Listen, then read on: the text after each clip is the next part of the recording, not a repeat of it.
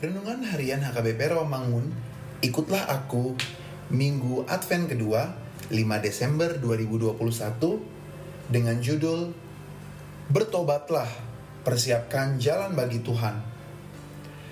Kebenaran firman Tuhan yang menjadi ayat renungan kita hari ini tertulis dalam Lukas 3 ayat 1 sampai 6 yang berbunyi Dalam tahun ke-15 dari pemerintahan Kaisar Tiberius, ketika Pontius Pilatus menjadi wali negeri Yudea dan Herodes raja wilayah Galilea, Filipus saudaranya, raja wilayah Iturea dan Trakornitis, dan Lasanias raja wilayah Abilene.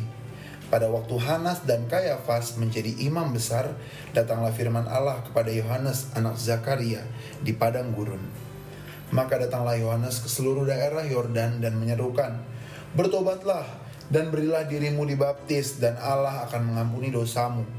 Seperti ada tertulis dalam kitab nubuat-nubuat Yesaya, ada suara yang berseru-seru di padang gurun, persiapkanlah jalan untuk Tuhan, luruskanlah jalan baginya.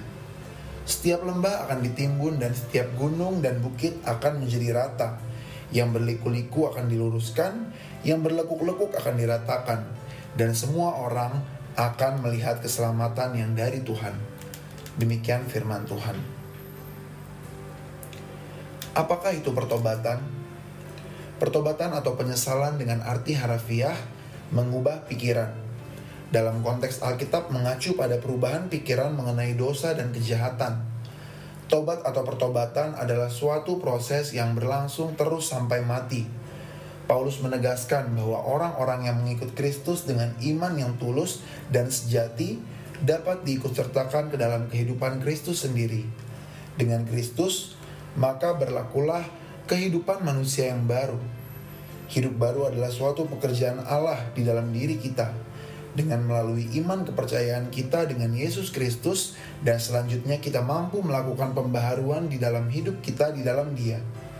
Penerimaan kita terhadap Tuhan dan firman-Nya, maka kita akan diperbaharui. Di minggu Advent yang kedua ini, kita diajak untuk kembali merenungkan setiap dosa dan kesalahan kita yang lalu dan bertobat untuk berpaling kepada Tuhan, meninggalkan tubuh manusia lama dan menerima hidup baru di dalam Yesus Kristus. Hidup orang Kristen adalah hidup dalam kasih dan orang-orang yang sudah menerima pertobatan hendaknya dapat menerapkan kasih dalam setiap segi kehidupannya. Kita sebagai umat Kristen atau orang-orang yang mengikut Kristus hendaknya kita dapat hidup dengan kasih yang telah diberikan oleh Tuhan kepada kita.